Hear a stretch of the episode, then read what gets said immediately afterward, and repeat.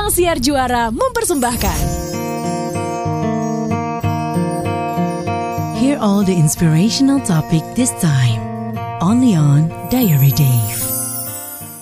Cosmoners, kembali bersama saya Dave Hendrik, menyapa Anda sekalian di Diary Dave. Kali ini kembali saya akan mengajak teman-teman untuk merayakan hidup bersama inspirasi yang akan dibagikan dengan tamu istimewa kita kali ini. Kalau teman-teman ketinggalan menyimak di Cosmopolitan Radio, teman-teman bisa dengerin ulang nanti di podcast Diary Dave dan petikan wawancaranya dapat disimak di kolom Diary Dave yang akan terbit di majalah Harper's Bazaar. Kali ini kita akan membahas mengenai peer pressure. Dan yang sudah hadir untuk membagikan ilmunya adalah growth consultant Jonathan N. Hi Jonathan, welcome to our show. Halo, halo Dave, halo teman-teman. Terima kasih sudah mengundang. Saya senang banget bisa ikutan sharing di sini juga. Sama-sama dong. Kita langsung ya. Hmm. Kan Jonathan ini adalah salah satu konsultan di Growth Space ID nih, Cosmoners. Yep. Kita pengen mulai dari yang paling basic deh. Growth mindset itu seperti apa sih sebetulnya, Jonathan? Jadi growth mindset itu adalah kondisi mindset di mana kita itu pengen berkembang. Hmm. Karena kan ada orang-orang yang kayak, duh, saya cuma bisanya segini gitu. Saya nggak bisa lebih hmm. bagus lagi nih. Nah itu hmm. namanya kebalikannya, itu namanya fixed mindset.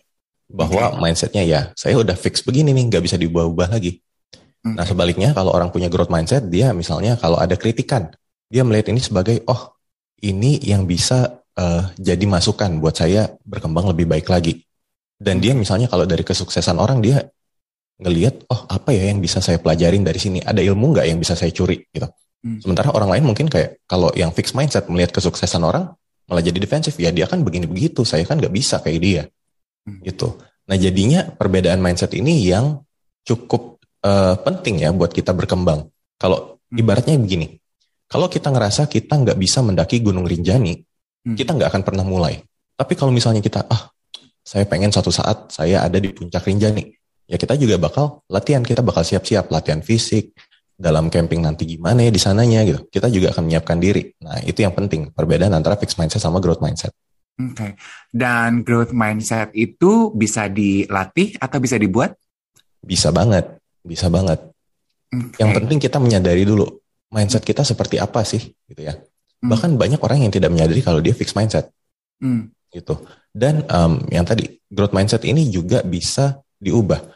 Misalnya ya tadi kita coba cari tahu apa yang bisa uh, saya pelajarin, apa yang bisa bikin saya lebih baik lagi.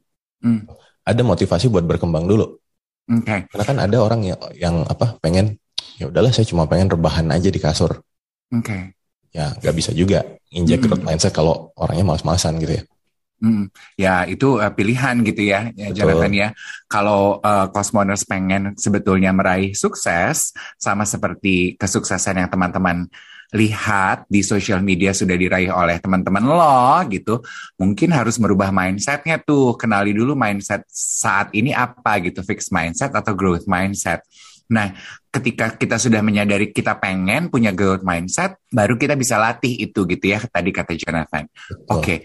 yang paling krusial atau yang ini deh, yang paling sulit dari menumbuhkan growth mindset itu apa sih the biggest challenge? Oke, okay. mungkin aku cerita dari sisi aku dulu ya. Hmm. Jadi aku kan, um, aku memang orangnya senang belajar dan berasa banget. Jadi dulu juga uh, ibu lulusan uh, SMP, ayah juga lulusan SMA. Kehidupan keluarga biasa aja hmm. punya anak tiga termasuk saya kan ketiga anaknya dikuliahin semua. Nah ketika hmm. dikuliahin saya melihat ada peningkatan kualitas hidup. Oh hidup-hidupnya jadi lebih baik gitu, penghasilan jadi lebih meningkat gitu ya. Um, nah makanya saya percaya di pendidikan. Nah itu yang jadi core values nih. Bahwa oh buat kita bisa improving kualitas hidup, kita harus jadi orang yang lebih baik. Hmm. Dan pendidikan kan kita nggak cuma ngomong di sekolah, di kampus ya. Bahkan ngobrol kayak gini juga teman-teman dengan podcast gitu, nonton video YouTube itu juga bisa dibilang pendidikan lah. Nah, jadi ada dorongan untuk meningkatkan kualitas hidup tadi yang bikin oke okay, gimana ya saya bisa berkembang lebih baik lagi lebih baik lagi. Kan hidup itu kita bakal belajar terus. Sampai tua juga kita masih belajar. Mungkin sekarang uh, saya aja tahun lalu ngajarin orang tua saya sosial media pakai Instagram. Udah usia 60 70 gitu kan. Oke okay, gini caranya gini caranya gitu. Ya itu juga belajar gitu. Jadi teman-teman yang penting jangan takut buat belajar Okay. Itu yang paling penting. Dan mengerti bahwa hidup ini ya kita harus berkembang terus selama hidup. Gitu. Karena kan kita nggak mau jadi ya stuck di situ-situ aja ya. Hmm. Meskipun hmm. nanti ya kita juga jangan sampai membandingkan kesuksesan diri kita dengan kesuksesan orang lain juga. Jangan sampai malah jadi minder gitu. Hmm. Di satu sisi kita mau belajar, tapi ya udah kita berusaha semaksimal mungkin aja. Oke. Okay. Mau belajar, berusaha semaksimal mungkin, tapi juga uh, Jonathan mengingatkan harus disadari bahwa hidup itu nggak mungkin stagnan gitu ya, harus ada Betul. perkembangan agar kita tetap merasa hidup gitu ya Jonathan ya? Iya. Kan misalnya sekarang hidupnya susah, nggak apa-apa. Tapi hmm. mau nggak hidup lebih baik? Oke, kita usahakan.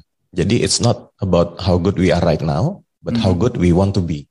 Oh, I love that. How good we want to be. Oke, okay. mengenai caranya, jangan ke mana-mana. Kita akan minta Jonathan untuk ajarkan kepada kita. Tetap bersama kita di Diary Day. Kita lanjutkan kembali inspirasi Diary Day bersama Jonathan N, seorang growth consultant. Nah, aku juga ingin membahas mengenai sekarang ini kan rasanya udah nggak mungkin banget ya. Kita kayak pasang kacamata kuda berusaha sekuat tenaga untuk tidak membandingkan diri. Lah wong kesuksesan orang-orang apalagi teman-teman kita kayaknya nyata-nyata gitu ya. Tiap kali scroll social media terpampang gitu kan. Nah yang aku ingin tahu pertama mungkin hmm, mungkin gak sih kita tuh tidak mengukur kesuksesan berdasarkan batasan umur kan juga kemarin sempat heboh tuh umur 25 harus punya ini harus udah di sini. 4 35 hmm. segini 45 segini. Kita ya. kan yang belum mencapai milestone milestone yang dibahas orang itu kecil hati loh. Gimana ya. tuh? Nah itu ya kadang kita melihat kesuksesan itu berdasarkan hasil akhirnya. Kita tidak melihat prosesnya kita tidak melihat awalnya gimana. Nah modal tiap orang kan beda-beda gitu ya. Misalnya um, ada seleb yang anaknya aja baru lahir udah bisa menghasilkan uang 5 miliar gitu ya. Itu dari mungkin YouTube apa segala macem lah. Bisa jadi. Kalau kita apakah ketika kita lahir dulu kayaknya hidup kita biasa-biasa aja dan baru mungkin ya ada orang juga yang punya privilege um, apa uangnya lebih banyak, modal usahanya lebih banyak ya nggak apa-apa. Mungkin kalau kita karena kita nggak punya privilege itu jadi kita harus bekerja dulu untuk mengumpulkan modal, nggak apa-apa juga. Jadi sebenarnya nggak ada yang salah. Nah, jadi justru kita harus mengerti bahwa modal tiap orang beda-beda. Ibarat kita mau masak ingredientsnya beda-beda, masa hasilnya harus sama gitu kan. Nah karena modalnya beda-beda ya nggak apa-apa hasilnya berbeda. Justru tadi sebenarnya ketika kita membandingkan diri kita dengan orang lain itu nggak apple to apple juga. Karena tadi ya situasinya beda. Mungkin ada uh, orang yang kuliahnya bisa sampai S2, mungkin sampai luar negeri juga ya nggak apa-apa mungkin kita ada orang yang um, kita cuma lulus SMA, nggak apa-apa juga langsung usaha. Nah itu kan modalnya sudah beda, kondisinya sudah beda. Jadi sebenarnya tidak perlu membandingkan diri kita dengan orang lain. Kalaupun mau, coba lihat kira-kira tadi apa yang bisa saya ambil ya dari kesuksesan orang ini. Pelajaran apa yang bisa diambil nih, yang kira-kira bisa nggak nih diaplikasikan ke hidup saya gitu. Jadi kalau kita nggak bisa bandingin diri kita dengan orang lain, kita harus bandingin sama siapa? Bandingin sama diri kita di masa lalu. Nah, teman-teman coba lihat, teman-teman lima tahun yang lalu mungkin kayak uh, sekarang udah kerja mungkin ada yang level manager ya. Oh lima tahun yang lalu masih jadi fresh grad. Gitu. Hmm. fresh grad bingung mau kerja di mana gitu ya. Oh sekarang sudah jadi manager penghasilannya mungkin sudah belasan juta sudah ada achievement ini itu. Nah itu yang harusnya kita lihat sebagai penentu kesuksesan kita. Okay. bisa nggak kita sudah mencapai target-target yang kita set buat diri kita sendiri? Dan di satu sisi, ketika ada orang lain yang sukses, yang nggak apa-apa juga, kita turut senang. Bukan jangan jadi kayak terintimidasi wah kok dia bisa sukses kok saya enggak. Ibaratnya kan uh, motivasi orang beda-beda ya. Misalnya ada orang A yang dia uh, motivasinya dia pengen membina keluarga yang harmonis. Itu dia menikah, punya anak, wah di Instagram happy-happy banget nih keluarganya. Terus ada yang B, dia motivasinya di karir, pengen jadi CEO. Wah dia udah jadi CEO startup, wah keren banget. Yang C, dia keliling dunia. Wah dia udah ke 20 negara gitu. dan living life gitu kan. Um, dia resign dari kantor, udah keluyuran aja keliling-keliling. Kan kita malah, wah si A bisa gini, si B bisa gini, si C bisa gini. Jadi kita ambil semua pencapaian itu terus kita hantam semuanya ke diri kita. Susah gitu, makin stres kan. Kok saya nggak bisa, kok saya hidup gini-gini aja. Itu loh, itu nggak apa-apa. Tapi yang penting balik lagi, bandingin diri kita dengan diri, diri kita di masa lalu aja. Oh dulu saya udah dari yang tadi first jobber, belum ngerti apa-apa, sekarang udah bisa menghasilkan ini itu gitu. Itu yang harusnya kita syukurin sih. Fokus ke diri kita. Hmm. Oh, that's very nice. Kita tuh harusnya jangan mengukur uh, our starting point dengan uh, finish line orang-orang gitu ya, Jonathan Betul. ya. Betul. Kita mulainya dari mana? Lu ngukur kesuksesan lu dengan uh, garis finish milik orang lain yang gak akan nyampe-nyampe gitu ya, Jo ya. Iya. Berarti kalau menurut Jonathan sendiri, how would you define success? Sukses itu adalah kondisi di mana kita happy dengan hidup kita sekarang. Sebenarnya itu. Nah, jadi balik lagi. Ada yang misalnya, oh saya udah punya perusahaan, tapi saya nggak nggak happy nih, merasa nggak sukses di situ. Ada orang yang hidupnya sebenarnya sederhana biasa aja, tapi dia happy banget dengan kehidupannya. Bisa dibilang dia sukses dengan hidupnya. Nah, jadi sukses tiap orang itu beda-beda, nggak perlu disamain. Itu kan tadi ada yang, oh saya umur 25 udah punya ini, kamu punya apa? Hmm. Ya belum tentu kan kalau dia memang di usia 25 motivasinya pengen beli rumah silahkan. Kalau hmm. saya mungkin motivasinya beda saya motivasinya lebih pengen belajar. Jadi mungkin satu ngalihin uang buat beli rumah, satu ngalihin uang buat biaya sekolah S2 mungkin. Hmm. Kan juga nggak ada yang salah. Okay. Nah, yang penting kita tahu bahwa personalize dan kita uh, bahagia dengan kondisi kita. Berarti salah satu cara untuk dapat melindungi diri kita dari jebakan peer pressure yang kita alami terhadap kesuksesan adalah dengan mengetahui apa motivasi diri sendiri gitu ya. Betul. Motivasi orang beda-beda, kenapa harus disamain? Oke, okay. oh my god, aku tuh ketampar banget. Soalnya baru tadi siang aku ngeliat Instagram, ngeliat temen aku. Aduh enak banget sih, dia udah ke, ke 25 negara, sementara gue di Tangerang-Tangerang aja. Ya well, kata Jonathan, motivasi hidupnya beda-beda setiap orang ya toh. Oke, okay, setelah ini kita akan bahas mengenai kegagalan. Stay with us on Cosmopolitan Radio. This is Diary Dave. Kita lanjutkan obrolan kita dengan Jonathan Ann di Diary Dave. Bicara mengenai kegagalan. Hmm. Apa sih cara paling sehat gitu, Jonathan, untuk menyikapi kegagalan? Ini juga mungkin gara-gara sosial media ya. Kita melihat banyak sekali cerita orang sukses, sukses ini, sukses itu, gagal. Kok kayaknya nggak ada yang gagal ya? Kenapa Karena gagalnya nggak diceritain. Betul, betul banget. Ibarat orang sekarang pada mau bikin startup. Kenapa? Hmm. Soalnya startup gede-gede. Padahal banyak cerita yang nggak di cover. 90% dari startup itu gagal. Hmm. Itu and that's okay sebenarnya. Dan karena mungkin kalau cerita gagal kayaknya kalau di cover media kayaknya kurang kurang menarik gitu ya. Hmm. Kurang inspire mungkin. Padahal menurut saya banyak banyak sekali hal yang bisa kita pelajarin dari kegagalan. Justru nggak ada sukses atau gagal. Mau sukses mau gagal semua itu hanya pengalaman belajar. It's all it's all learning experience. There's no such thing as failure, only learning experience. Kenapa? Karena di gagal kita belajar. Dan gimana caranya biar gagal kita nggak stres gitu ya. Kita bisa move on. Ibaratnya gini, aku ambil contoh misalnya kita berempat nih sama teman-teman dua orang lagi ya, kita main main capsa, main kartu. Hmm. Kalau misalnya kalau main kartu juga ya santai, nggak kayak aduh, aduh kalah, aduh aku nggak becus main kartu, aduh udahlah gitu. Harus menang, gitu. harus menang, harus menang. Iya kan, justru ketika kalah bisa santai, kenapa? Karena oh ternyata kita menikmati permainannya, kita menikmati ngobrol-ngobrol sama teman-temannya ada momen yang menyenangkan gitu fun obrolan oh udah lama nggak ketemu bisa catching up gitu ya. Kita uh, shifting our focus dari yang hasil menjadi proses. Kita nggak fokus ke kegagalan kita fokus di prosesnya suasananya menikmatinya. Nah makanya juga bisa nggak ketika kita berusaha kita jangan terlalu fokus di hasilnya sukses atau gagal tapi bagaimana caranya agar prosesnya itu bisa kita kita nikmati perjalanannya. Itu terlepas sampai atau enggak tapi oh it's a fun experience gitu. Saya belajar banyak gitu. Itu yang harusnya kita syukurin. Jadi it's about a change of perspective gitu ya. Betul. Change your focus, change your life. Change your focus, change your life. Uh, kalau Jonathan sendiri, hmm, apa uh, kegagalan yang Jonathan ingat yang uh, pelajarannya uh, membekas dan uh, membantu Jonathan untuk sampai di titik ini? Um, saya itu orang yang suka eksperimen dengan uang. Itu. Oh. Jadi memang suka, oh gimana ya caranya biar uangnya bertambah? Gimana caranya hmm. uangnya bisa menghasilkan lebih banyak uang? Jadi coba oke, okay, pernah coba ikut trading forex gitu. Wah, uh, dalam tiga minggu udah 70% modal hilang gitu. Oh, ya udah berarti nggak nggak cocok nih. Gitu, nggak cocok, nggak apa-apa belajar. Oh, oke okay, berarti kayaknya um, kalau mau sukses modalnya harus gini, terus caranya gini. Oh ternyata ini nggak cocok dengan saya. Oke, okay, hmm. coba lagi. Coba bikin bisnis. Bikin bisnis, taruh modal di teman hilang di bawah kabur, hilang di bawah kabur. Terus kan kayak, wah ternyata dari sini belajar juga. kayak mau stres, duitnya udah hilang. Orangnya udah gak bisa dihubungin, udah kabur entah ke mana gitu kan. Dan jadinya belajar, oh berarti kalau memang bisnis mungkin ada baiknya saya juga ikut memantau bisnisnya lebih dekat atau saya ngejalanin, belajar juga.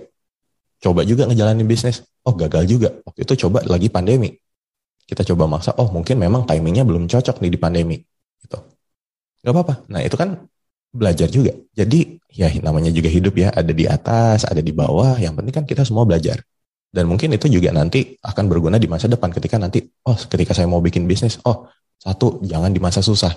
Oh kedua kalau mau bikin bisnis harus dipantau yang benar, dijalanin yang benar. Jangan langsung kasih ke orang aja tapi nggak dipantau, ntar malah dibawa kabur.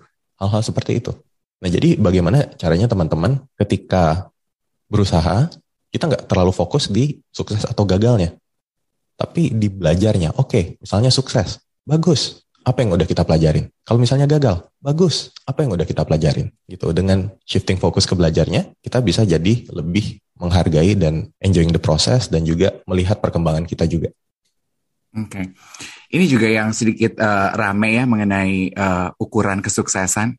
Kembali lagi ke situ, apa pendapatnya uh, Jonathan mengenai argumentasi yang bilang umur muda itu harus punya ini itu? Namely, harus sudah punya mobil, harus sudah punya rumah. Aku banyak ngobrol dengan pendengar yang masih milenial yang berkeluh kesah gitu.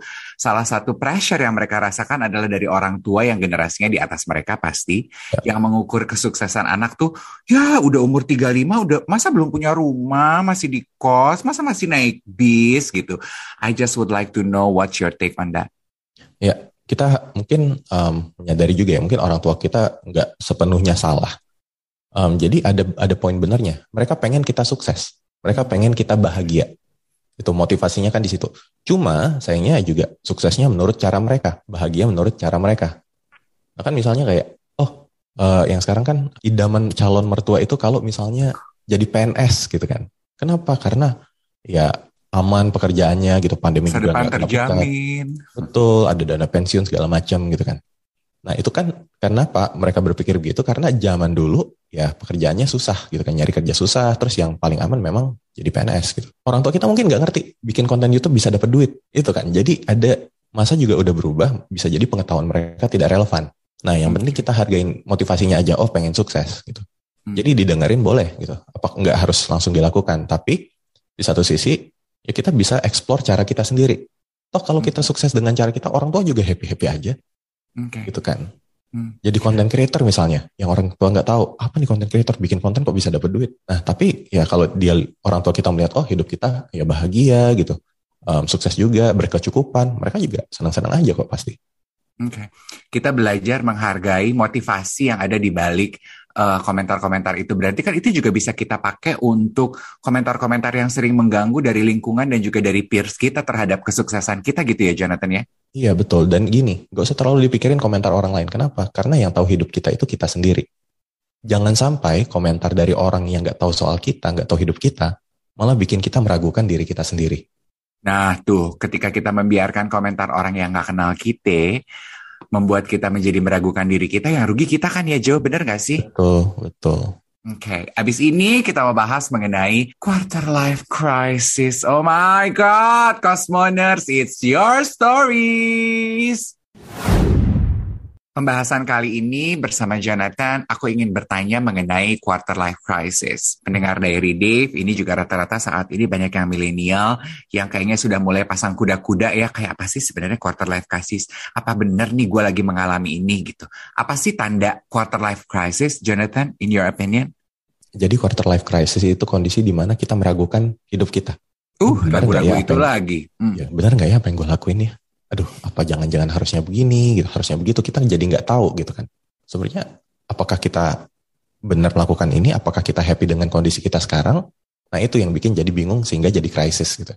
Jadi ya kita mempertanyakan diri kita sendiri itu nah kenapa ini terjadi? Sebenarnya kalau dilihat-lihat itu karena kita nggak ada tujuan hidup. Kita nggak tahu tujuan hidup kita mau mau dibawa ke mana. Ibaratnya nih misalnya satu sore kita jalan-jalan yuk. Jalan ke mana? Ya keliling-keliling aja. Oke keliling 15 eh, menit oke. Okay. Tapi mulai satu jam ini kita sebenarnya mau ke mana sih? Gak ada tujuan. Itu bikin kita bingung.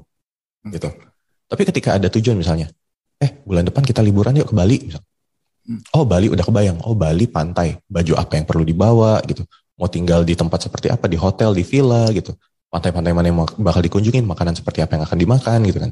Itu semua sudah kebayang karena kita sudah tahu tujuannya mau ke mana. Nah jadi ada baiknya untuk quarter life crisis ini ya cari tahu dulu sebenarnya mau kita apa tujuan lo maunya apa dalam hidup gitu. Oh. Kalau belum tahu, ya Jack tanya kali sama diri lo, ya kan? Iya. Ada cara nggak sih untuk mengetahui gitu, untuk apa uh, mengupas keinginan? Karena kan kadang oke okay, gitu, gue udah nanya nih sama diri gue, gue maunya apa sih dalam hidup? Ada mungkin untuk membantu yang stuck gitu. I don't know what I want. Right. Bisa coba explore kira-kira apa hal yang pengen kita lakukan? Mimpi kita apa? ada yang tadi ya misalnya mimpi, oh saya ingin mimpi berkeluarga, ya udah lakukan, gitu kan. Persiapkan jalan menuju ke situ. Cari tahu tujuannya dulu, tujuannya mau ke mana. Ada yang tadi, oh saya pengen bikin bisnis. Oh ya nggak apa-apa, lakukan. Persiapkan jalannya dari sekarang. Yang tadi kita mau liburan ke Bali bulan depan. Oke, siap-siapnya udah bisa dari sekarang nih. Bisa cari hotel-hotel dulu nih. Packingnya ya seminggu sebelum lah, mulai packing. Udah tahu apa yang mau dibawa. Nah, jadi dengan adanya tujuan itu bikin kita jadi lebih terarah. Tujuannya dari mana? Bisa dimulai dari mimpi. Karena apa? Karena mimpi dan hal yang bikin kita bahagia itu beda-beda.